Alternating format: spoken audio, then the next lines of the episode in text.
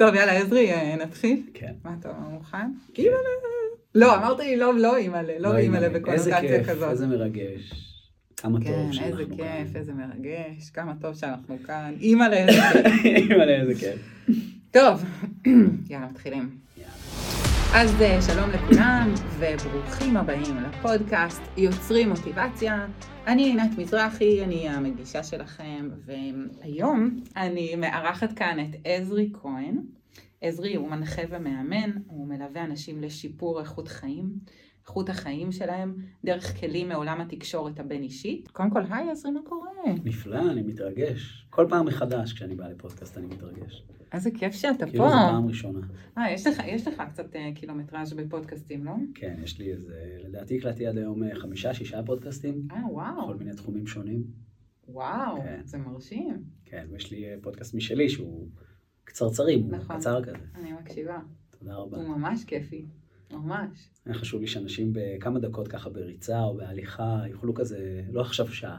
פודקאסטים, צריך להשקיע, להקשיב להם, זמן, לפנות, ו- נכון. אני כבר, אני סיימתי, אלא אם כן עלו פרקים עוד לא, חדשים, עוד אבל לא. אה, בדרך. אני הקשבתי לכולו, כי פשוט זה, אה, הקשבתי לו בנסיעה, וזה פשוט התנגן הקצרים האלה, וזה היה ממש כיף. כן. רבה. משהו מרענן, שזה פודקאסט כזה של אה, כמה דקות, של כן. סיפורים קצרים. אז אה, את עזרי אני מכירה מ... אני יודעת בדיוק ממתי, מינואר 2017. וואו. כן, אנחנו 2023. דרך ארוכה, כן. כזה, אה? כן, כן. ואתה יודע שבעצם אה, זה, זה בשבילי סגירת מעגל, כי אני עשיתי אצלך סדנה ב-2017, ובעקבות הסדנה הזאת בעצם פתחתי את העסק שלי כיוצרת, כאומנית, כעצמאית. באמת, אה, אני, אני זוכרת שביום האחרון של הסדנה כבר... אה, איך אומרים? היו לי קוצים במקום שבו נהוג לשבת, ורק רציתי כבר אה, לצאת לעולם ו, ו, וליצור ולעשות ו, ולעוף על עצמי עם העסק. וזה מגניב שפתאום אנחנו פה אחרי כמה שנים טובות, וגם עשינו דברים ביחד אה, בזמן הזה. אז אני מכירה אותך באמת, גם עזרת לי מאוד בפן העסקי אה, וגם בפן האישי. אז קודם כל תודה. באהבה רבה. וכשדיברתי איתך, אמרתי לך, עזרי, תקשיב, אני מכירה אותך טוב, ואני יודעת עליך דו, הרבה דברים, ובכמה תחומים תוכל להועיל פה לפודקאסט, ואני לא יודעת אפילו איך להתחיל ובמה להתמקד. Mm. וענית לי מאוד יפה. אז אני אשמח שנתחיל משם באמת. בתשובה שענית לי, עזרי, ממה, על מה נדבר? יש כל כך הרבה שאתה יכול לתת פה. אמ, כן, זו שיחה מעניינת שניהלתי עם עצמי על האופנוע בדרך לכאן, אה, ושאלתי את עצמי איזה ערך מוסף אפשר לתת לאנשים, כי הנושא מוטיבציה הוא כזה רחב, הוא כזה גדול. ואפילו עניתי לעצמי על ההגדרה שלי למוטיבציה. לפני שהזמנת אותי לפודקאסט, היה לי ברור איך נראית מוטיבציה, איך זה מרגיש, איך חווים את זה. אבל לא בהכרח מה ההגדרה המדויקת, ואני איש של הגדרות. ואני איש של הגדרות לא בשביל שיהיה הגדרות, אני איש של הגדרות כי אז מאוד ברור לי אם אני בתוך ההגדרה או מחוץ להגדרה. ואני חושב שסיפורי החיים של כולנו, הרגעים האלה שבהם אנחנו מתמודדים עם אתגרים, עם מצבי לחץ, עם מטרות שאנחנו שמים ולא בהכרח משיגים אותם בכל מיני תחומים, הורות, עסקים, זוגיות, שלא לדבר. שם אותם רגעים שהמוטיבציה שלנו נבחנת. אז אני מניח שאנחנו נדבר על הרבה מאוד דברים, ובעיקר על uh, סיפורי חיי, שאם מסתכלים על סיפור חיי מאחורה, מההתחלה שלו, עקרונית לא הייתי אמור לשבת פה היום, כי סיכויי ההצלחה שלי לא היו גבוהים. Um, ואחד הדברים שאני רגע רוצה לדבר עליהם לפני שככה ניכנס ונצלול לסיפור חיי, זה דווקא לדבר על ההגדרה למוטיבציה, ומכיוון שאת עושה פודקאסט uh, שהקשבתי לו, ושמעת המון הגדרות אני מניח, נכון, הייתי שמח לשמוע איזה הגדרה את הכי um, זיהית שהיא נכונה לך. מה את זוכרת ככה שאמרת, וואלה, זאת בשבילי מוטיבציה, זו ההגדרה לי. אני אגיד, זה קשה לי אולי לשלוף עכשיו הגדרה מאוד מאוד מהודקת, אבל אני כן אגיד את הדבר הראשון שעולה לי בראש, שזה להמשיך לפעול בלי קשר לנסיבות ולתוצאות. זאת מבחינתי מוטיבציה. שאני, יש לי drive, יש לי כוח, אני עושה פעולות, אני ממשיכה, ולא משנה עכשיו אם זה מצליח לי בדרך, לא מצליח לי בדרך, לא משנה מה התוצאות ומה הנסיבות, אם הנסיבות משתנות גם כן. מהמם, הגדרה נפלאה. אז אנחנו ממש חושבים זה... אני חושב שמוטיבציה זה סט ערכים שאני מביא לידי ביטוי כשאני צריך להתמודד עם אתגר, ואז גם לחצות אותו.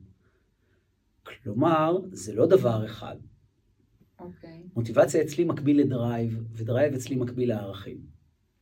אז יש רגעים שהערך שאני אצטרך להביא לידי ביטוי כשאני אתמודד מול דבר כלשהו הוא נחישות. וכשאני אתחיל לעשות את זה, המוטיבציה שלי תעלה, כי אני אראה שהנחישות שלי באה עוד ועוד לידי ביטוי. יש מקומות שזה מחויבות, למשל בזוגיות, וואו, כמה אתגרים חוצים שם, ויש תמיד את השיח הזה, נכון? די, אולי, אולי נסגור את זה, אולי, אולי נגמור את הזוגיות, די, זה, אי אפשר ככה. ואז אתה עומד מול הערך שבחרת מחויבות, כי השותף הזה מאוד חשוב לך, ועברת את כברת הדרך, ואתה לכאורה צריך להיות מחויב למילה שלך, שנתת, שלא משנה מה יקרה כרגע, כמובן אם לא עוברים קווים אדומים, שאתה תישאר נחוש להצליח בזוגיות הזאת. והנה הרגע שנדרש מוטיבציה שוב. אז אה, כל מיני ערכים כמו חוסן, אומץ, אפילו פגיעות בעיניי לבטא אותה, זה. סוג של מוטיבציה.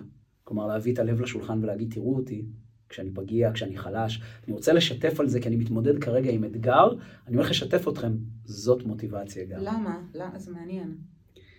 כי מוטיבציה זה לא רגש, ואי אפשר לקנות אותה במכולת. הרי אני ואת היינו שמחים בימים שאין לנו כוח לקום בבוקר, כשקשה לנו, כשחווים עם עצמנו סדרה של שבוע מאתגר, אנחנו לא יכולים ללכת למכולת פה למטה בפלורנטין ולהגיד, תקשיב, אחי, אני צריך איזה חמש קילוס מוטיבציה, תמכור לי, אני אחזיר לך אחר כך, אני מבטיח אפילו בעלות יותר גבוהה.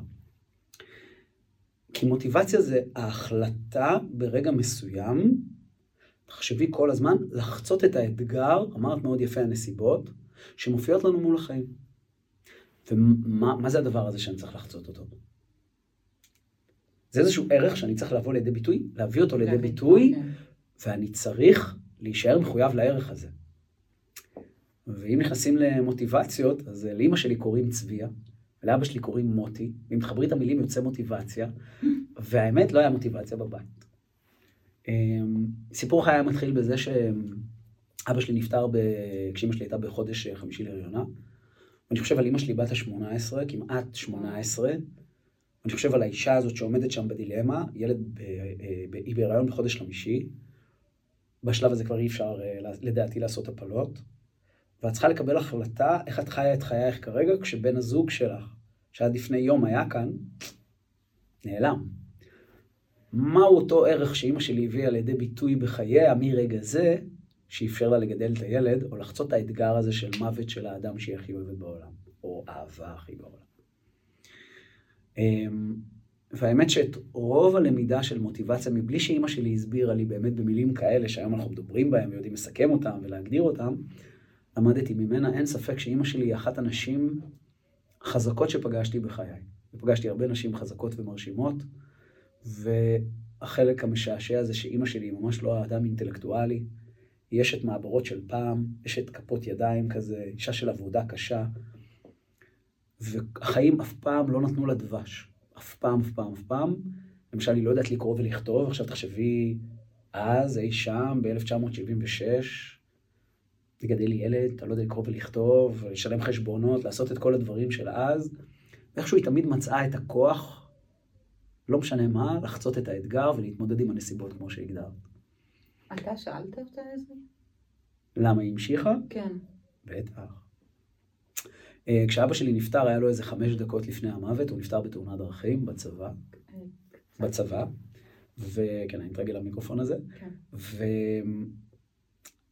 ובזמן של החמש דקות הוא כתב פתק לאימא שלי, אה, שנאבד עם השנים, אבל אה, היה עליו טיפות של דם כבר, הוא ביקש עט ממישהו, והוא רשם לה בפתק קטן, אהבת חיי, תשמרי על הילד, אני אוהב אותך. ואפשר לפרש מה אבא שלי התכוון בתשמרי על הילד, תשמרי את הילד זה אל תפילי, תשמרי על הילד זה תגדלי אותו באהבה, תשמרי... אני חושב שעם הפתק הקטן הזה שהיא קיבלה לידיה, כי אמא שלי גילתה שאבא שלי נפטר בערך יום וחצי אחרי, בהתחלה הסתירו ממנה מאוד מהחשש שהיא תפיל, וזה לא עבר קהל, וגם אנחנו מדברים על משפחות של פעם מאוד עתיקות בחשיבה, לא מכוונה רעה, פשוט ככה גדלו בתרבות של פעם. חושב שאבא שלי שלח אותה עם מסר כזה, איזה מוטיבציה הוא זרק לה כדי להמשיך את החיים, והיא לא עצרה שם השובבה, היא החליטה לקרוא לי על שם אבא שלי. שזה בכלל כאילו, אה, תחשבי על זה, זה כאילו כל היום להתמודד עם הילד שלך ולקרוא לו בשם של האהוב שלך, לאבא שלי קראו עזרי, או בעגה התימנית עזרי. אה, אבל אני חושב שזה. כששמעתי בגיל שלוש שאבא שלי נפטר, אז גילו לי. כי אז לא ידעתי, לא הבנתי. בתור ילד מה זה אבא, מה זה אימא, זה לא משהו שאנחנו מבינים אותו בהכרח, אנחנו גדלים במה שאנחנו רואים. אני חושב שזו פעם ראשונה שהבנתי אה, שאימא שלי היא לביאה. ואין לה את הכלים שלי ולך יש היום. היא לא עברה סדנאות להתפתחות אישית, אנטוני רובינס לא היה, ספרים היא לא קראה. מאיפה הגיע הכוח הפנימי הזה? אז בעיניי הכוח הפנימי היה אה, הערך מחויבות לאהבה לילד שלה, אליה ולאבא שלי, להמשיך את הדור הבא. בכל צומת שהיא עמדה בחייה, זה הדבר שעמד לנגד עיניה. אני בטוח שאם נשאל את אימא שלי, לא תדע להגדיר את זה במילים שלנו, אבל כשאני שואל אותה את השאלות, היא מגדירה את זה כך. והילדות שלי הייתה קשוחה, מאוד מאוד קשוחה. אמ, אני מילדות לא הצלחתי להסתדר עם ילדים. משהו בוורבליות שהיום יש לי, לא היה. לא ידעתי איך להתחבר לילדים, לא ידעתי איך למצוא איתם אה, מכנה משותף בשיחות. לא חשבתי שאני מצחיק. האמת שרוב הזמן חשבתי שאני משעמם, ולרגעים בכיתה א' כבר התחלתי לחשוב שאני טיפש. כי אם את זוכרת, בכיתה א' אנחנו מהר מאוד עומדים מול השוואות, מחלקים לנו ציונים כזה בהיסח הדעת. ופתאום שואלים כזה, מי יודע את התשובה? ועזרי עד שהוא עונה, כאילו, שעתיים אחרי, אז הוא אומר לעצמו, טוב, אני איתי, אז אני טיפש. ואחר כך שואלים, מה עשינו בשיעור הקודם?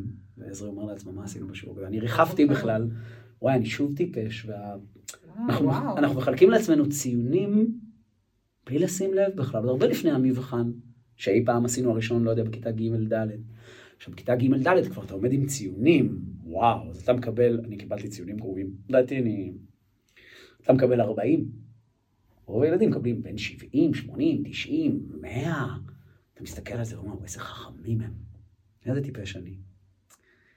ובכיתה ד', ה', אני לדעתי הייתי בעולם שלי, כן, אני כמובן לא הייתי בעולמות של ילדים אחרים, הילד הכי בודד בעולם, וגם לא ידעתי לקרוא ולכתוב טוב. אז uh, מצאתי את עצמי יוצא להפסקות בבית ספר, ומה עושים? וזה קטע. המוטיבציה הפנימית שאני מצאתי זה בעולם הדמיונות. התחלתי לדמיין דברים. ואני זוכר שהדבר הראשון שדמיינתי זה שאני סופרמן. אז יצא הסרט של סופרמן עם קלארק, mm. והייתי כמה כוח יש לה בדבר הזה, איזה אדם טוב הוא. ואני זוכר שזיהיתי את זה מראש ואמרתי, אני אהיה אדם טוב. זאת המוטיבציה שלי. מה שעושים לי, אני לא אעשה לאחרים. איך שמתנהגים אליי, אני לא אתנהג לאחרים. וכשאני אזהה התנהגויות טובות, אני ממש אעשה אותם גם. וכל הזמן דמיינתי כשאני אהיה גדול, איך אני אהיה סופרמן בחיים. איך אני אעזור לאנשים להיות יותר טובים וגם לעצמי, וזה קטע. הגשמתי את זה בלי כאילו לשים את זה כל הזמן בפרונט, זה לא היה שם. בכיתה ו' היה השבר הראשון, כי אני לא אשכח, המנהלת ישבה מול אימא שלי. זה הכל מוטיבציות, שעוד לא ידעתי איך אני עובד איתם, עוד לא ידעתי mm-hmm. לקרוא להם בשם, ואמרה לה, תקשיבי, את הילד שלך אנחנו נשלח לבית ספר אה, לא רגיל. אז היא אמרה לה, למה לא? אמרה לו, כי הוא לא יודע ללמוד, הוא כמעט לא יודע לקרוא ולכתוב, אין לו ציונים טובים, אי אפשר להעביר אותו לחטיבת הביניים הרגילה. ואימא שלי, איזה לביאה. עמדה שם מול המנהלת, ישבה שם יותר נכון, ואמרה לה, זה לא יקרה, הילד שלי לחטיבת הביניים עולה כמו כל הילדים הרגילים. ולא משנה מה צריך לעשות, הוא יעלה. ואני לא אשכח, אמא שלי לקחה אותי לטיול ליד הבית ספר, ואמרה לי, תקשיב לי ותקשיב לי טוב. מרגע זה, אנחנו עושים הכל כדי שאתה תעלה לכיתה ז' כמו כולם. עכשיו, את ילד בכיתה ו'. אני זוכר שבכיתי, אני זוכר שהתנגדתי, אני זוכר שכעסתי, אבל לאימא שלי היה מבט בעיניים שאומר, אני סומכת עליך, לא משנה מה, אנחנו נתמודד עם הדבר הזה. Yeah. כן. ולראות אדם מבחוץ, הנה אחד הדברים שמעוררים בנו מוטיבציה, שסומך עלינו כל כך, במבט בלתי מתפשר, שהוא אומר לך, לא משנה מה, אני, תסתכל לי טוב בעיניים. ואז התחלתי ללכת למורים פרטיים, עשיתי מבחנים נוספים בקיץ, אני לא אשכח את זה, בזכות המנהלת המאוד קסומה שלנו, שיפרתי את הציונים ועליתי לכיתה ז'. וואו. וזו הייתה חוויית ההצלחה הראשונה שלי במושגים של מוטיבציה ולראות שאני מצליח. מדהים. וזה קטע. כי עד שאין לנו חוויית הצלחה, אנחנו לא מבינים איך לעבוד עם מוטיבציה. אמ, ואני גם אטען שלחלק מהאנשים לצערי הרב יש מוטיבציה אפילו שלילית. וגם לי הייתה כזאת. כשעליתי לכיתה ז', הייתי בטוח שכבשתי את ההר, כי הנה הגעתי לבית. אם נחזור לציונים שלי בכיתה ז', אז היה לי לדעתי את הממוצע ציונים הנמוך ביותר, 5.4 בכל החטיבה. אני זוכר שהמורה שלי כינסה אותי ואמרה לי, לא בטוח שמעלים אותך לחטא, יכול להיות שהם משאירים אותך בכיתה ז'. שוב אני נמצא בצומת הזאת שאני עומד להיות מאוד שונה מכולם, ושוב אני צריך למצוא איזה משהו שיעזור לי. והייתה ילדה בכיתה שלי שגם התאהבתי בה, וגם הייתה נורא חכמה, כמו הבן שלי. הבן שלי הוא מסוג התלמידים, נקרא לזה שהוא שומע שיעור, הוא מקליט את זה פה, הוא רושם את זה, ואז הם הילדים האלה שיושבים בבית, הוא מרפרף בחומר ומוציא 103, כאילו אני לא מבין איך זה יצא לי, כן, גנטית זה לא יכול לעבוד. זה אורי. והיא הייתה כזאת, קראו לה אריאלה, וביקשתי ממנה יום אחד, אני לא אשכח, אה, אם יכולה לעזור לי ללמוד, כי אני לא ממש יודע איך ללמוד. אני לא יודע אם את יודעת, אבל בבתי ספר כמעט לא מלמדים, אה, היום קצת יותר, אבל רוב בתי הספר לא מלמדים איך ללמוד חומר. מיומנויות. מיומנויות למידה. מלמדים אותנו בעיקר איך לשנן. לשנן. כן, ומי שלא יודע לשנן טוב כמוני, אכל אותה. והיא התחילה ללמד אותי. בהתחלה האמת שהיא לימדה אותי לשנן. אמרה לי, תשנן את זה, תחזור שוב ושוב. היא הייתה עושה סיכומים בדפים, אני הייתי קורא, מגיע למבחן, מתקן ציון. ושוב ושוב, ובכיתה ח' הייתי עם ממוצע ציונים 8.4, וזו פעם ראשונה שהבנתי, לא כזה מורכב לימודים, רק צריך לדעת איך ללמוד את הלימודים. והנה שוב הפעם הזאת שאני צריך לעמוד מול מוטיבציה פנימית להתייאש או להצליח. אני חושב שכל חיי היו כאלה, בהרבה מאוד מאוד רגעים, ולעיתים ניתן לחשוב שמוטיבציה אה, זה משהו רק שקל לנו וכיף לנו וטוב לנו והכל נעים, אבל האמת שהיא נדרשת הכי הרבה ברגעים האלה שקשה לנו ומאתגר לנו, ואז אנחנו צריכים למצוא מוטיבציה פנימית, כי אני לא מאמין במוטיבציה חיצונית, כלומר, זה בסדר שתגידי לי, עזרי, אתה יכול, אבל אם אני לא אאמין למילים שלך, אתה יכול, ואני לא אספוג את זה פנימה ואגיד, נכון, אם עינת אומרת שאני אדם נחוש ואני יכול להיות נחוש, זה לא יעזור. אז... אה, אז זה תלוי מי, מי אומר לך את זה, מי בסביבה אומר לך את זה. אני חושב שזה גם תלוי מי אומר לך, כמה אתה מאמין לו, וכמה אתה מאמין שמה שהוא אומר נכון לגביך. טוב, המורה שלי, הייתי בכיתה טיפולית, ב, את יודעת, היום יש אה, מב"ר, זה, כל מיני שמות מאוד יפים, וגם באמת עם המון המון תמיכה לנערים שיותר קשה להם. אני הייתי בכיתה טיפולית, בכיתה ה'-ו'. כיתה טיפולית זה כיתה כזאת שאתה בא, יש חדר כזה, כולם משחקים משחקים, מדי פעם מוציאים החוצה, וטובה, איזה שם אלוהים נתן לה? אה? טובה. שום דבר לא קורה במקרה.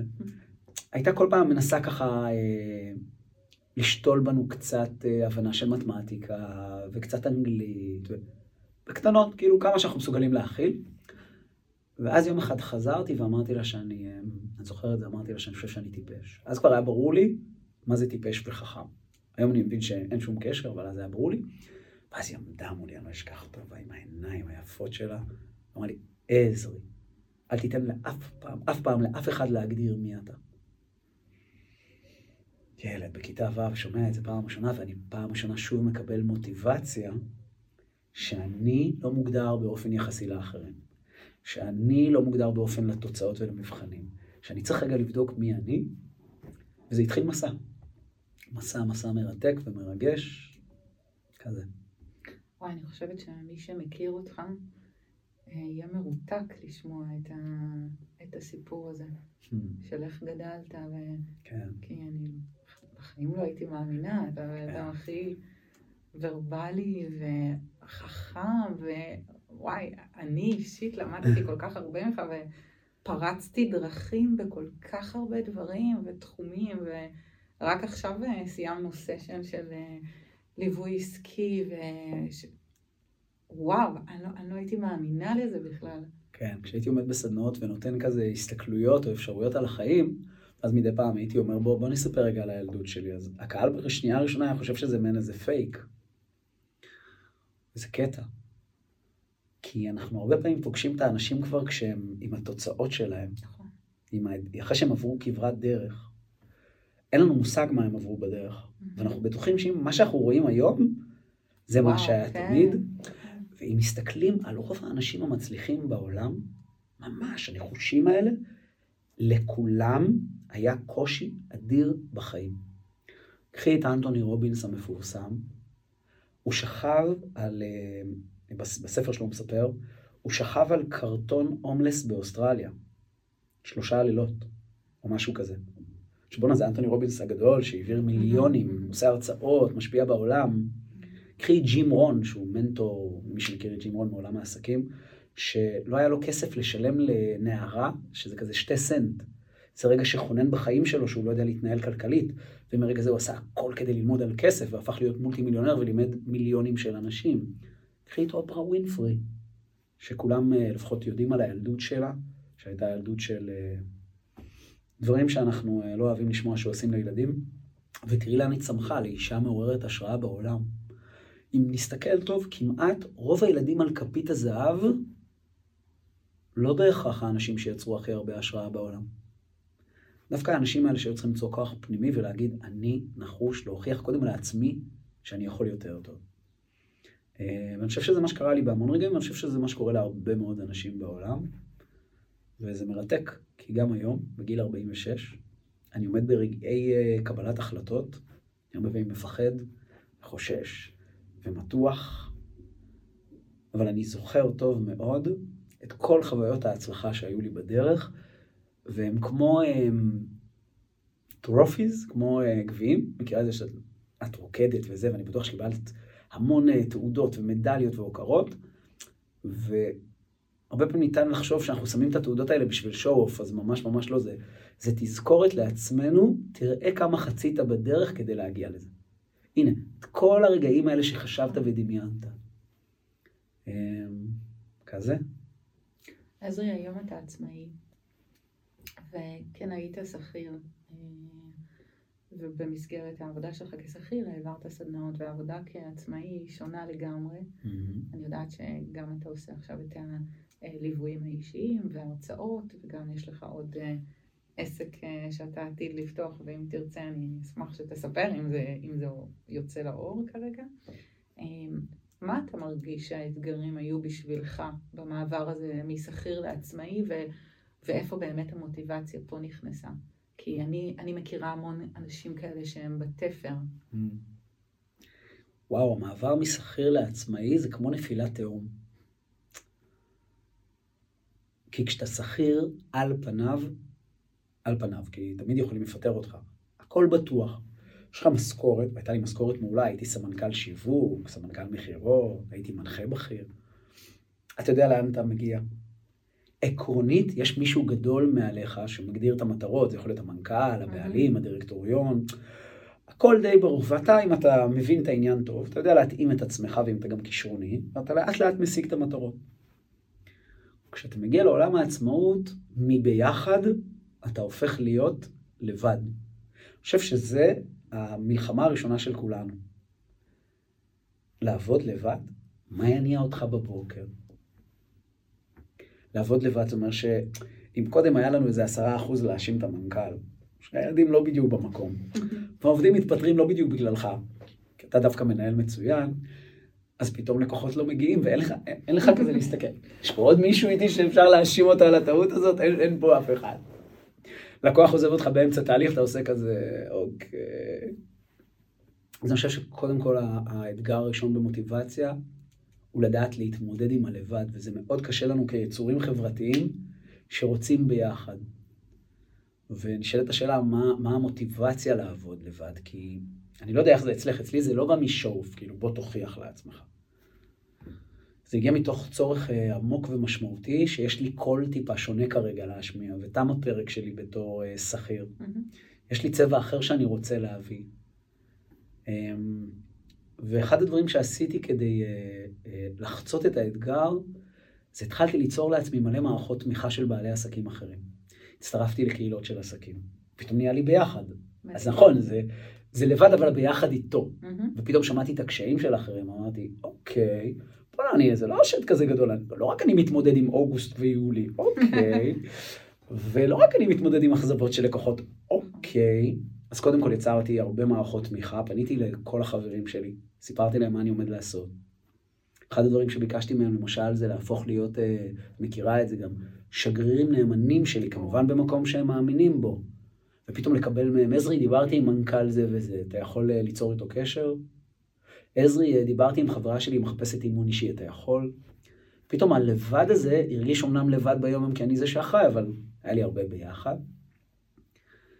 והמוטיבציה שהניעה אותי אמ, לצאת לעצמאות הייתה בעיקר אמ, חשיבה שונה שהתחלתי לפתח עם השנים, ורציתי להביא אותה לידי ביטוי, ובעולם השכיר אתה יכול להביא הרבה, הרבה דברים לידי ביטוי, אבל זה תמיד יהיה מוגבל. תמיד יהיה מישהו שיקבע את האסטרטגיה. Mm-hmm. תמיד מישהו שיקבע איזה לקוחות מקבלים. ופתאום מתחשק לי לבחור את הלקוחות שלי, ולבחור את התוכן שאני מעביר. ויש תכנים שחשבתי שהם כבר לא רלוונטיים. אתה עובד איפשהו, אתה לא יכול לעשות mm-hmm. את זה. אמ, ואם אני מסתכל ככה, כי את לא יודעת, אבל היו לי שני סבבים של עצמאי.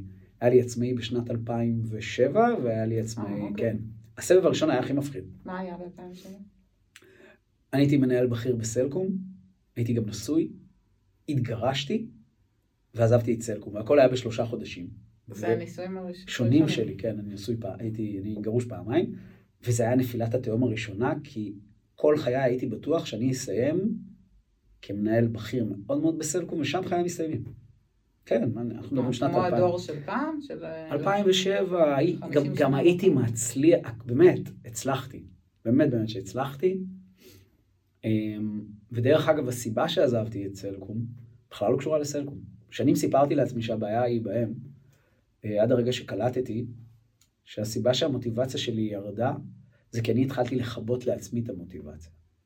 אני התחלתי להגיע בבוקר ולשפוט את הארגון, אני התחלתי להגיע בבוקר ולהגיד אני כבר לא אוהב את זה, אני התחלתי להגיע בבוקר, אמרתי זה משעמם, חוזרים על אותם יעדים ומטרות, וזה קטע, ככל ששפטתי לשלילה את המקום שאליו אני מגיע, ככה המוטיבציה שלי והחשק שלי לשהות שם יותר מחמש שעות ביום, רק ירד וירד וירד.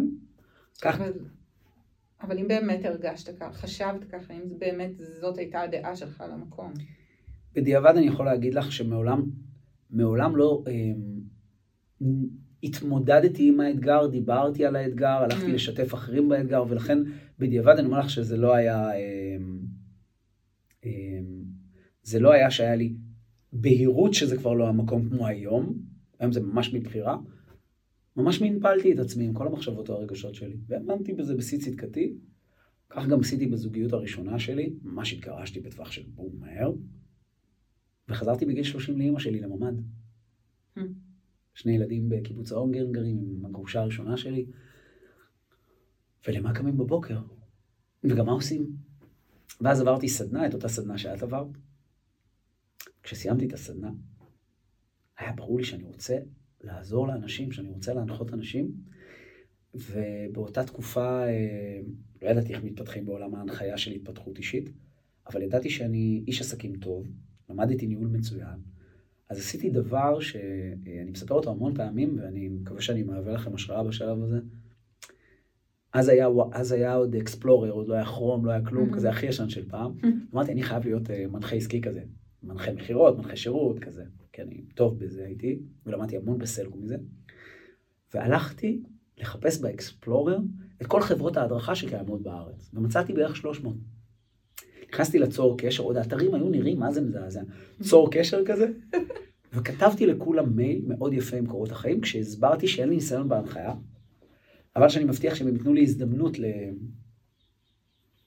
לראות אותי עומד, להעביר איזה תוכן, אני מבטיח שאני אהיה טוב, לא טוב מאוד. שלחתי ל-300 בבת אחת מייל. ואז, באותה תקופה, רוב האנשים כבר לא, לא קראו בדיוק מיילים, זה היה ממש בתחילת הדרך, קיבלתי המון כזה undelivered, undelivered, בימים הראשונים אמרתי, יואו, איזה מבאס, איזה אומץ פיתחתי לעשות את הדבר הזה וזה. אז אחרי איזה חמישה ימים, משהו כזה, מתקשרת אליי מישהי, תוך כדי שהיא מכינה קפה, ואומרת, שלום, קיבלתי את קורות החיים שלך. אוקיי, נשמח לזמן אותך לרעיון.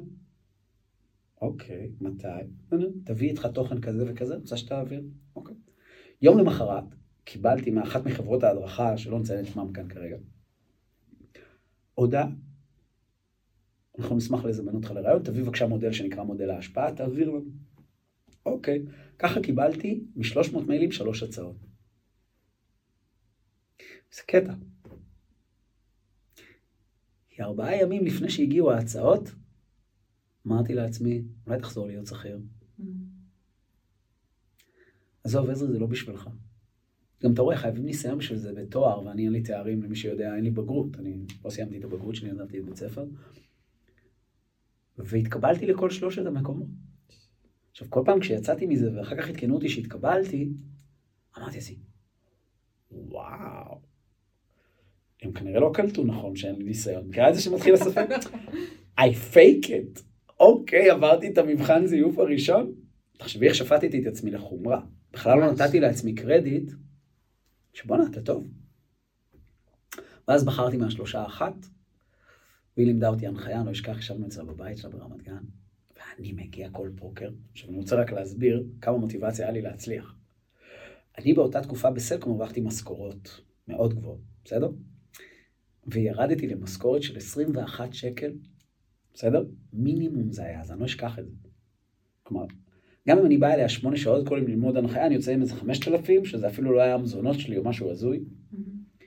אבל היה לי כל כך מוטיבציה להצליח, שכל בוקר הייתי מתייצב ברמת גן, לא נשכח בשבע וחצי, נוסע מקדימה, עוד לא היה לי אוטו, באוטובוס, מגיע אליה לבית שלה המקסים, פסת ענקית, יושבים במטבח, היא מתחילה ללמד אותי תכנים, איך פותחים סדנה, איך מטפלים בזה, איך עושים, כל מיני דברים מאוד מאוד בסיסיים.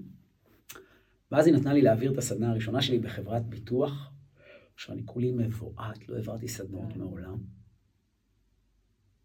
ואני אומר לעצמי, עזרי, תזכור דבר אחד. לא משנה אם התוכן יסתדר לך או לא. טוב, מהמם. אתה צריך להוציא אותם עם מוטיבציה להצליח. אני לא אשכח את זה. ולאורך כל הסדנה, ברגעים, מי שמעביר סדנאות בוודאי יודע, בטח בסדנאות מכירות ושירות, שאלה שיושבים בכיסא מגיעים בעל כורחם בדרך כלל. כאילו, הם יושבים ככה ואומרים... שלחו אותם. עוד אחד כזה, וגם הגיע תימני וקרח, וווי, עכשיו יחפרו לנו על מודלים וטיפול בהתנגדויות. והם הגיעו כאלה, כן. והם הגיעו כאלה. זה לא, כאילו, הם לא עשו לי חיים קלים, לא היה לי חוויית הצלחה קלה בהתחלה. אבל כל הזמן, כאן in the back of the mind, היה לי את סיפורי החיים שלי. כל פעם שאיזה מישהו התנגד לי, השתמשתי באחד מסיפורי החיים שלי כדי להראות לו כמה מוטיבציה היה לי לצלוח. בכלל לא התעסקתי במכירות ברגעים זה. ויכולתי לראות את הקהל מסתכל ככה ואומר, וואו. ואז היה נורא קל להסביר להם למה שווה להם לעשות את זה גם בתוך העבודה. סיימתי את הסדנה הראשונה, מחאו לי כפיים. הייתי בשוק, התחלתי לבכות. סיימנו, קראו לה קרן, היא מהממת, אני לא יודע אם היא עוסקת עדיין היום בהנחיות ובהדרכות. והיא אמרה לי, היית מעולה. ופה, הקול הפנימי אומר, שוב הצלחת לעבוד עליהם. גדול. זה קטע. הקול הזה ליווה אותי הרבה מאוד שנים עד שחזקתי בהבנה שאני טוב באמת במה שאני עושה. והקול הזה זה הקול הקטן הזה של הילד הקטן שכל הזמן שם ספק, ולבעלי עסקים זה קורה מלא. זה בעיקר קורה, קורה לנו כשאין תוצאות. או כשמשהו מצליח לנו יתר על המידה, אנחנו אומרים, לא יכול. זה שלי? אז יש לנו את הפשעים, אני לא מאמין, זה קורה לי? אני? איך זה יכול להיות? איך זה יכול להיות? מה, באמת? כן, זה כל המקומות שאת ואני שפטנו את עצמנו כל כך הרבה שנים לחומרה, שכבר משהו מגיע בזכות משהו שאנחנו עושים, אנחנו לא מרשים לעצמנו לזקוף את זה. עם השנים העלמתי את הקול הזה והבנתי ש... שאני טוב במה שאני עושה. לא ממקום של אגו ולא ממקום של שחצנות. באמת טוב, ואיך אנחנו יודעים שאנחנו טובים במשהו? אנחנו משאירים אימפקט על האדם האחר לרצות לעשות גם עבורו טוב יותר, איכותי יותר, מרגש יותר, לחלום יותר. אמ, ואני חושב שזה הסיפוק האדיר שלי, זה הסיפוק למה אני עושה ביום-יום, למה אני כותב פוסטים, למה אני מקליט אה, פודקאסטים, למה אני עושה סדנאות. כי אם אנחנו מסתכלים על זה, גם את באמצעות הפודקאסט המרגש הזה, בעצם מייצרת מוטיבציה לאחרים, בעקבות סיפורי החיים שלך ושל אחרים. בעצם אומרים להם, תקשיב, גם לי קשה, אבל אם אני יכולה, גם אתה יכול. אז... אה, אני אגלה לך סוד עזרי? נו. אני מקשיבה לפרקים האלה בעצמי. אני מקשיבה להם. אתמול אה, הקשבתי אה, לפרק שהקלטתי עם אביב, למשל. הקשבתי שוב לפרק שהקלטתי עם אה, גלי, המטפלת שלי. אני מקשיבה בעצמי mm. לפרקים האלה, הם נותנים לי מוטיבציה באמת. ואני יודעת שגם לפרק איתך, אני אקשיב שוב. Mm. זה כאילו אני עושה את העבודה הזאת גם בשביל עצמי. כן, מעין איזה רפלקשן אמ, כזה, לשמוע אותי ולראות איפה אני יכול יותר, או מה אני יכול לקחת לעצמי שוב. כן. אני מאוד מסכים איתך, אני קורא את הפוסטים שלי 50 פעם לדעתי חזרה. ואני כל פעם מתרגש, כי אני אומר לעצמי, מי כתב את זה? זה טוב. אה. זה כזה, בואנה, זה טוב. זה אני, מאיפה זה יצא? זה קטע. איזה מדהים השינוי הזה ש... שנוצר בך מזה שאתה חושב שאתה לא טוב, שאתה טיפש, אה, שכאילו זייפת את זה, אז בגלל זה לקחו אותך, עד למקום הזה שיש לך את ההבנה, כן, אני טוב, אני, אני כן טוב, אני מייצר השפעה חיובית על אנשים, על העולם. זה, זה לא בא ב, ברגע, כן? לא. זה, זה ממש תהליך. לא. זה לא ביום אחד. לא, ממש ממש לא. אה, למשל כשהתגרשתי בפעם הראשונה, ובעיניי אני הייתי הטעות, דווקא לא אה, הגרושה הראשונה שלי שהיא מהממת, אה, גם בדרך שהתגרשתי, גם בדרך שהודעתי, הייתי ילד. כן, יש לי, ילדים הראשונים שלי נולדו לי בגיל 26, הייתי ממש ילד. יש לי ילד בן 21, 18, 8 וחצי. ואני זוכר שכשהייתי בבית של אמא שלי, כאבתי איזה שבוע ככה בכיתי על הכרית, ואמרתי לעצמי, טוב, אני כנראה לא טוב בזוגיות. כנראה לא מתאים לזוגיות, אמ, ותראי איזה מוטיבציה שלילית התחלתי להכניס לתוך חיי. לקח לי איזה שלוש שנים למצוא את אה, בת הזוג הבאה שלי, שכזה אמרתי, וואו, זה יכול להצליח, והיא באמת אה, הייתה שותפה נהדרת, וגם היום כשאנחנו גרושים, היא שותפה נהדרת בהמון המון תחומים. אני חושב שזה קשור להרבה חוויות הצלחה שאנחנו אה, מייצרים לעצמנו, ובעיקר לנקות את השופט הזה שיושב לנו פה על הכתף, שאנחנו היחידים ששמים אותו. והורגים לעצמנו את המוטיבציה. אמ, אם שאלנו על עסקים, אז הראשון זה הלבד, והשני זה, וואו, איזה קשה זה לאנשים. איך אני אומר שאני טוב במה שאני עושה? כי הרי עדיין אין לי תוצאות, רק פתחתי את העסק. וזה קטע, כי אני מלווה היום עסקים חדשים, ממש הרבה עסקים שבתחילת הדרך, ממש בונים איתם את המוצר והכל. נגיד, אני מלווה מישהי שמאמנת אה, נשים בארצות הברית, ליצור זוגיות בטוחה, איכותית ומשמעותית. זה, זה החזון שיצרנו לה. ובנינו גם את התכנים של המפגשים. יש לה כל מיני, אבל אני ככה דייקתי אותם. ובמפגש שלוש, היא מתקשרת אליי, ואנחנו עושים זום מפלורידה, ואומרת לי, אני חושבת לסגור את זה. שמעת מה קרה? אז אני אומר לה, למה? אז היא אומרת לי, כי היה מאוד קשה היום בקואוצ'ינג עם הבחורה. תראי מה זה חוויה שלילית אחת, mm-hmm. תראי כמה האמונה נסדקת. ואז אחר כך היא עשתה תהליך עם זוגות מאוד מאוד יפה, כי היא כל הזמן מדווחת לי ומראה לי. אני עוזר לאנשים לבנות אה, אימונים והנחיות וסדנאות, אני מאוד טוב בזה. ואז היא אומרת לי, אה, אולי אני אפרוש מהזוגות, אני אשאר רק עם היחידות. כי היה קשה עם הזוג. ואחר כך אמרתי לה, את צריכה לשווק את עצמך. זאת אומרת, אבל איך אני אשווק? יש לי רק אה, שני מתאמנים. אני כל הזמן מספר להם שכדי להגיע ל-50 מתאמנים צריך להתחיל בשניים. ואלה שהם רואים היום כבר עם 100, בסדר? גם הם התחילו באותה נקודה של מי אני בעולם. כלומר, תחשבי שאם אני צריך להתחרות היום, נגיד, ב... אה, בוא ניקח משהו דומה מהתחום שלי, נגיד שאני צריך להתחרות באנטוני רובינס. Mm-hmm. אין לי 30 מיליון איש מאחוריי. אמנם יש מאחוריי המון אנשים, למעלה מ-30 אלף איש, אבל זה לא. אז כשאתה מתחיל את זה, אתה מסתכל על אנטוני רובינס ואתה אומר, וואי, למה שיאמינו בי? למה שהקול שלי יישמע? וזו אחד האתגרים הגדולים בלהקים עסק. כשיש לי אפס תוצאות, להאמין שיש לי תרומה משמעותית. וזה שיח כזה. אז חלק את השיח מצליחים לתקן תוך כדי תנועה, כי עוד לקוח בא, ועוד לקוח בא, ועוד לקוח בא, ועוד לקוח בא, יש, אני טוב בזה. ויש חלק מאיתנו שאומרים לעצמם את המשפט הבא. אני טוב, נקודה, זה רק עניין של זמן עד שהתוצאות יבואו. אני חושב שההבדל בין השניים יושב על חוויות החיים שלנו, ניסיון החיים שלנו. איך אפשר להשריש את המשפט הזה בתוכנו? וואו. את האמונה הזאת. וואו. אה, כשאני מלמד אה, שיעורים על שפע וחוסר, כמו שאת זוכרת, איך אפשר לשכוח? אז אחד הדברים, עולים לי דמעות בעיניים. אז אחד הדברים שאני אומר לאנשים, ואת רואה זה גם מתוך סיפורי החיים שלי, תקשיבו טוב, מה שאני עומד ללמד בשפע וחוסר, לא רואים אותו בעיניים. כלומר, אתם תעשו לי כן עם הראש, אתם גם תסכימו איתי, אבל יש סיכוי שבשבוע הקרוב לא יקרה כלום. ואנחנו אנשי ודאות, כלומר, אנחנו, אנחנו יכולים להשקיע 5,000 שקל אם נקבל 15,000 שקל, ככה זה, אני מכיר את זה כשאנשים באים אליי.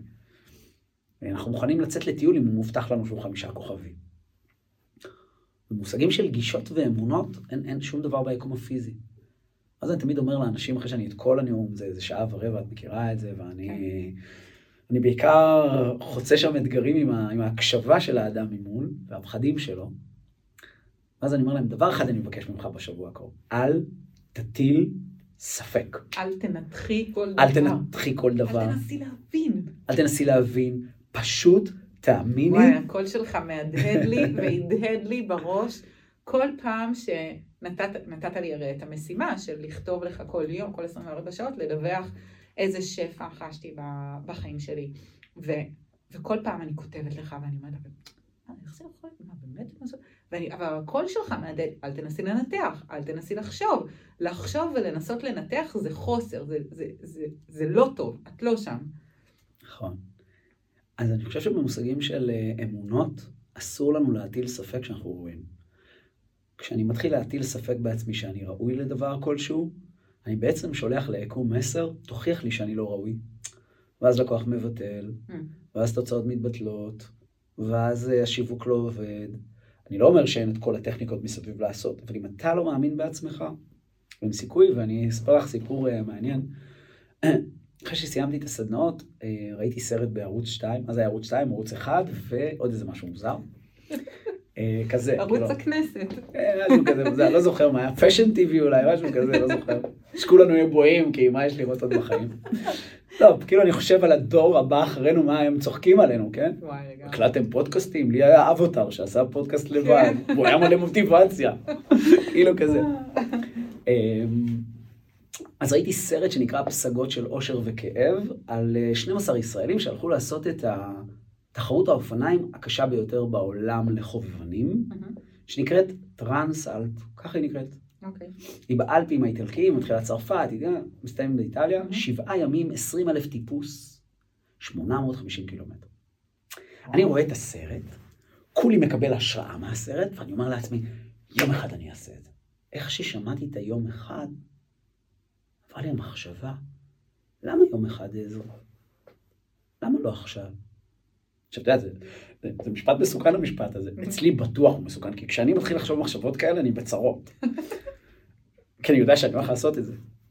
ואני מדבר איתך בתקופה כזאת, שאיך תאתר את הסרט הזה בכלל, מי, מי, מי עשה אותו, איך מגיעים. איכשהו מצאתי את ראש המשלחת, כתבתי לו מייל, שאלתי אותו מתי עושים עוד פעם תחרות כזאת. אז הוא אמר לי, עוד שבועיים יש אה, ערב היכרות למשלחת הבאה. וואו. כמובן כלום לא קורה במקרה. אני מגיע מסדנת מכירות, כבר הייתי מנוסה במכירות כזה, עוד לא הייתי מנחה בהתפתחות אישית. מגיע ככה, כמו שאני לבוש, כולי ככה, נכנס כולי לאיזה מקום בפארק הירקון, ששם הציגו את הסרט שוב ומכרו את ה, mm-hmm. כל הטיול הזה, ואני רואה אנשים, את יודעת, כל אחד עם יד כזאת, חותמות של איירון מנים, אה, טייצים, כאילו קינג קונגים ועזרי הרזה התימני נכנס עם בגדים, נראה כמו איזה חתן. ומראים את הסרט, ואז הוא מספר כמה עולה הטיול ומה נעבור בטיול, ואני כאילו, רק מלראות מה עברנו בטיול רזיתי איזה חמישה קילו. והוא אומר, מי שרוצה להירשם, זה הזמן להרשמה. הייתי השני. הוצאתי את הכרטיס אשראי, באתי להראל נחמני, זה היה, עד היום הוא עושה את זה, אמרתי לו, בבקשה, אפשר לחלק את זה לתשלומים? כשהוא מסתכל עליי, הוא קולט שאני לא שייך למיליה. אז הוא אומר לי, אתה רוכב על אופניים? עכשיו אני רוצה רק להסביר באיזה שלב הייתי בחיי.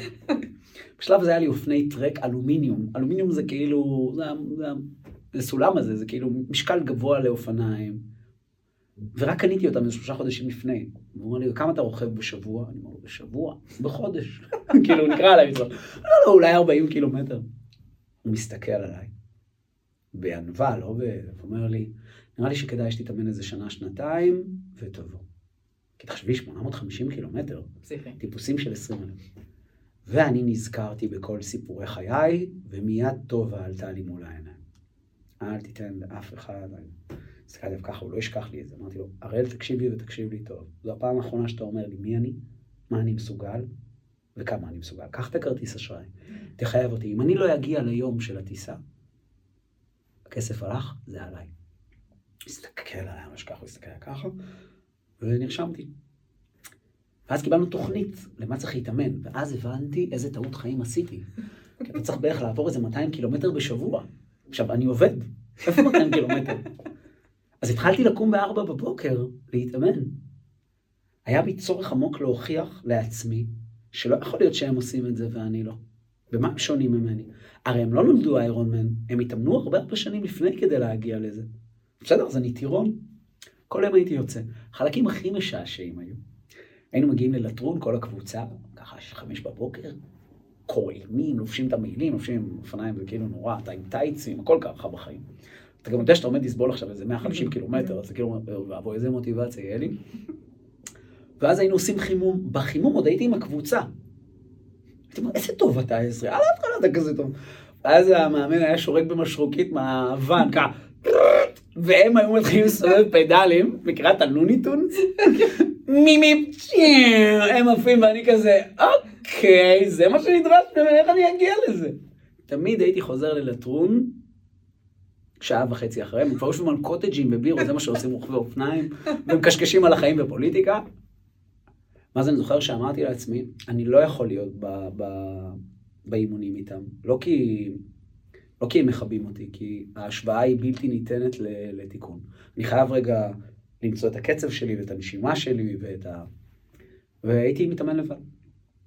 וכשהגענו ביום הראשון למינכן, אני זוכר, עלינו על המטוס, נחלנו במינכן, עברנו לאוסטריה, עמדנו על קו הזינוק, 4,000 רוכבים, זה תחרות בזוגות. בת הזוג שלי הייתה, השותפה שלי למסע הייתה בת 60, אני בן 32. מדהימה, כמה מוטיבציה יש לנו. אבל עשינו את היום הראשון. 120 קילומטר על טיפוס של לדעתי 3,500.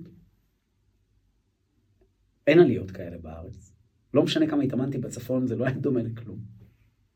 ואני זוכר שירדתי מהאופניים ואמרתי לעצמי, אוי ואבוי, זה עוד היום הקל של התחרות, עזר, והרגליים שלך מחוקות. מאיפה תביא את המוטיבציה עכשיו?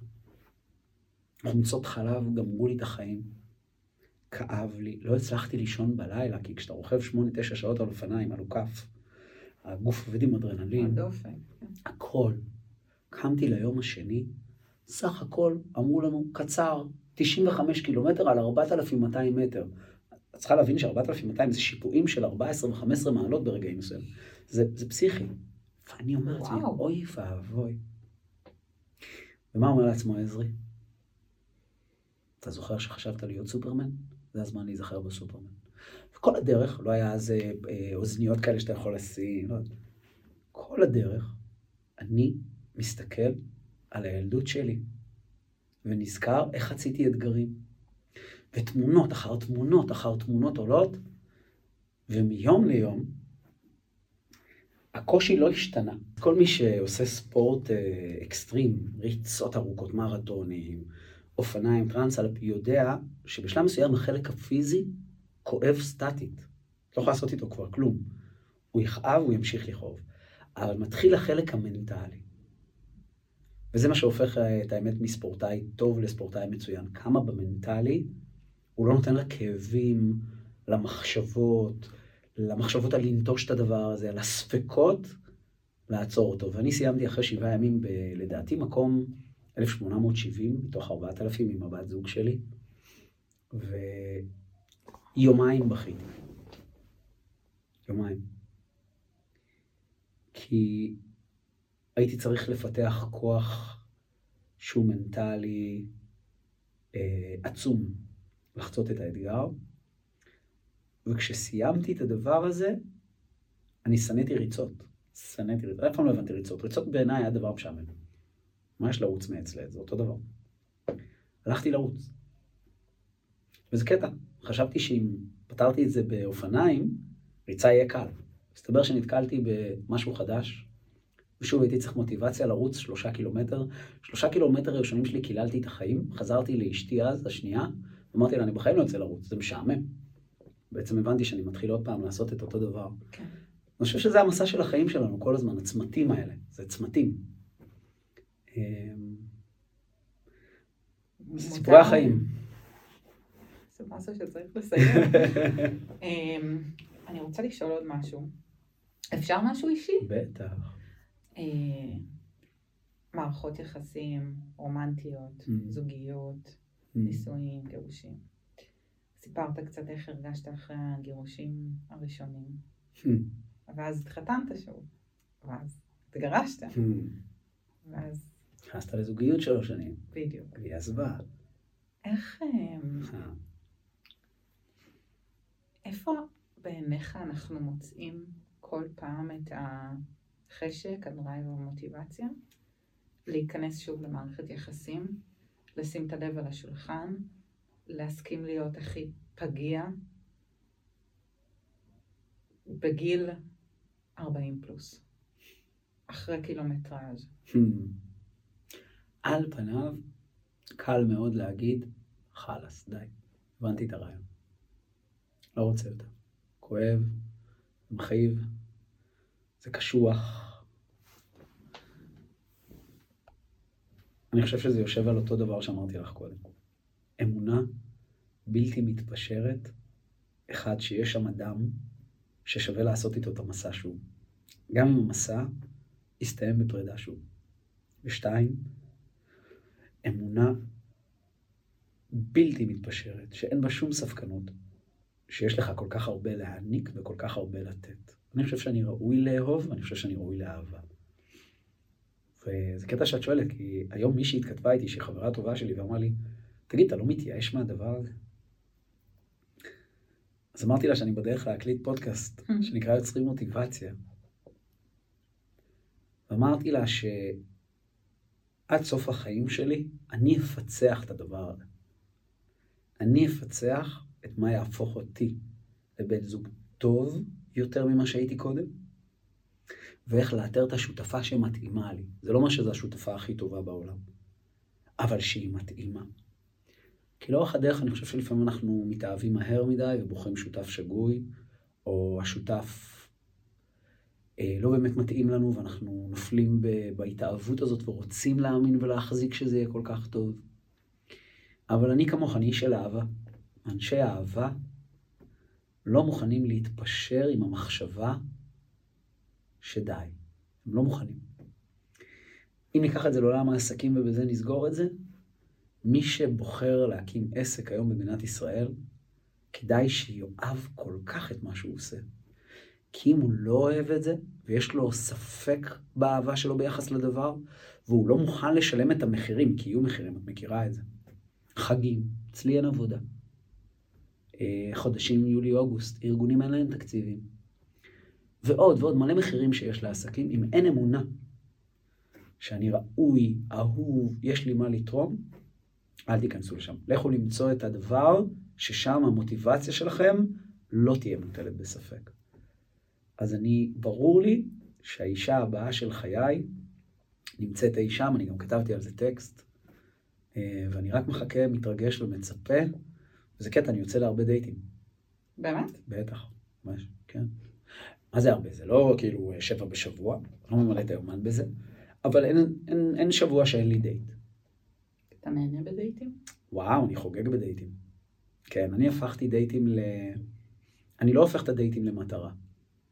אני חייב להצליח איתה, זאת האיש. אני לא, אני מגיע לדייטים להכיר בני אדם. ואני אומר לעצמי, מתישהו אני אכיר את האדם הזה, שאני אקח אותו לדייט השני. מתישהו יעבור לדייט השלישי. ומתישהו, למרות שהלב שלי היה שבור חצי שנה וכואב חצי שנה, וכל מי שכואב אחריי יודע שאני כאילו, חיי פרוסים, אני יודע שמתישהו הלב שלי יהיה מוכן להגיד, בואי אהבה, בואי. אני מוכן, אני מזומן, את ראויה, אני ראוי, ואני אעשה הכל כדי שזה יצליח. מוטיבציה, בעיניי, לא? ממש. כן. על הדרך נתת גם uh, זווית מאוד כיפית, uh, מאוד נינוחה להסתכל על דייטים, שגם אני הרבה פעמים אומרת לעצמי, אז uh, אני לפחות אני יודעת שאם זה לא זה רומנטית, אז תהיה לי שיחה טובה עם מישהו. כן, אם מראש אני אדבר בטלפון, לפני כן אני מראש ארצה להכיר יותר טוב קצת כדי לדעת שעכשיו אם אני נפגשת לדייט אז יהיה לי כיף, אני אעשה כיף, גם אם זה לא יעבוד רומנטית. אז זה, זה מאוד עוזר אה, לפתח את האורך רוח הזה והסבלנות שנדרשת קצת בעולם הזה של mm-hmm. ה dating. כן. להגיד אני, אני באה ושיהיה לי כיף, אני רוצה נכון. להכיר בן אדם. ו... טוב, אצלי גם לפעמים זה היה דייט ובסוף עשינו איזה שת"פ, או עם לקוחות. אבל גם זה מדהים. משיגים, כאילו, אתה יודע, מקשרים לעבודות, וכן, ואני אומרת, מה, זאת לא הצלחה? אז אמנם זאת לא התוצאה שכיוונתי אליה, אבל אם דרך אותו בן אדם פתאום הגעתי לעבוד במקום מסוים, או, או אני עזרתי לא להגיע למקום מסוים, זאת לא הצלחה? בטח שזאת הצלחה. נכון. אני אגיד לך עוד משהו שגיליתי בדייטים, כי כשאת, כשאני בזוגיות המון שנים, אז אתה כבר מכיר את הפרטנר, אתה יודע איך הוא חושב, אתה יודע מה מצחיק אותו, כן. אתה יודע זה. וזה מדהים, הגעתי לדייטים, ובדייטים הראשונים הייתי מאוד עסוק בהשוואה אליה. היא לא מחייכת כמוה, היא לא מחבקת כמוה, היא לא חמה כמוה, היא לא מצחיקה כמוה, אין לנו את אותו וייב אנרגטי, אין לנו את אותה משיכה, הכל היה כזה, אין לנו, אין לנו, אין לנו, אין לנו, עד שבדייט השלישי שלי, הורדתי לעצמי שתי סטירות, כמו שאני נוהג להגיד, ואמרתי, עזרי, אין עוד אחת כזאת, אחת כזאת כבר הייתה. נכון. ואתה גם לא רוצה את אותה אחת, כי עובדה, נפרדתם. אז אתה רוצה אולי ערכים דומים לשלה, אבל אתה לא רוצה אותה באמת. אתה רוצה משהו שונה, אחר, שמתאים לך, לאו דווקא יותר טוב ממנה. בסדר? ברמה של השוואות.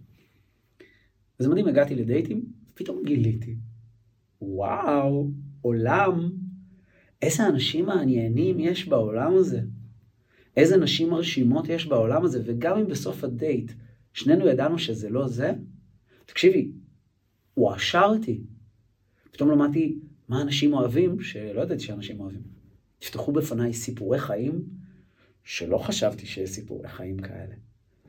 וזה מעין סקרנות כזאת, שמניעה אותי להגיע כל פעם ולהגיד, עוד אדם בעולם יכניס את סיפור חייו לתוך סיפור חיי, אני אכניס את זה, אנחנו נשזור את החיים אחד בשני, ואולי זה מתישהו גם ידבק, וישב, ויתיישב. ואם לא, מבטיח לך, אם לא, תזכרי, תראייני אותי בעוד עשר שנים באבטאר של הפודקאסט שלך. או ב-GPT של הפודקאסט שלך, שמעתי כל מיני שמות חדשים. אני מבטיח לך שאת תשמעי שעזרי עדיין יוצא לדייטים. אני בטוח שאני ראוי לאהבה, וזו לא שאלה בכלל. יש את השיר הזה של אמיר דדון. שהוא לקח אה, את השיר של ערן אה, צור, אה, נו, איך זה נקרא? בלילות של ירח מלא. יש שם משפט שאני מאוד אוהב, ואני מאוד מתחבר. הוא אומר לאישה, היית מאמינה? יש לנו אהבה. אני עם המשפט הזה הולך, אהבה. נכון, אני עם המשפט הזה הולך כל, קם כל בוקר, הולך לישון כל לילה, לא משנה כמה כואב לי, כמה אני מרגיש בדידות ופגיעות, לא משנה כמה כאב לי הלב, ואיתו אני הולך גם לדייטים. זהו. וואי, איזה משפט לסיים איתו. אני ראוי לאהבה. בהחלט. עזרי כהן. וואו. ממש ממש תודה לך שבאת. היה פרק מדהים. מדהים, מדהים, מדהים. אני גם כל כך שמחה שזה... שזה מצולם. Hmm. אה, אז מי שיקשיב לנו אה, בספוטיפיי או באפל או בכל אחד מפלטפורמת הפודקאסטים, תדעו שאנחנו גם ביוטיוב, hmm. ואני חושבת שזאת חוויה מעניינת לשבת מולך ולראות את זה. אז יהיה אפשר לצפות בזה ביוטיוב. תודה רבה, עזרי. תודה רבה לך שהזמנת אותי, היה לי עונג, כבוד, זכות להיות פה.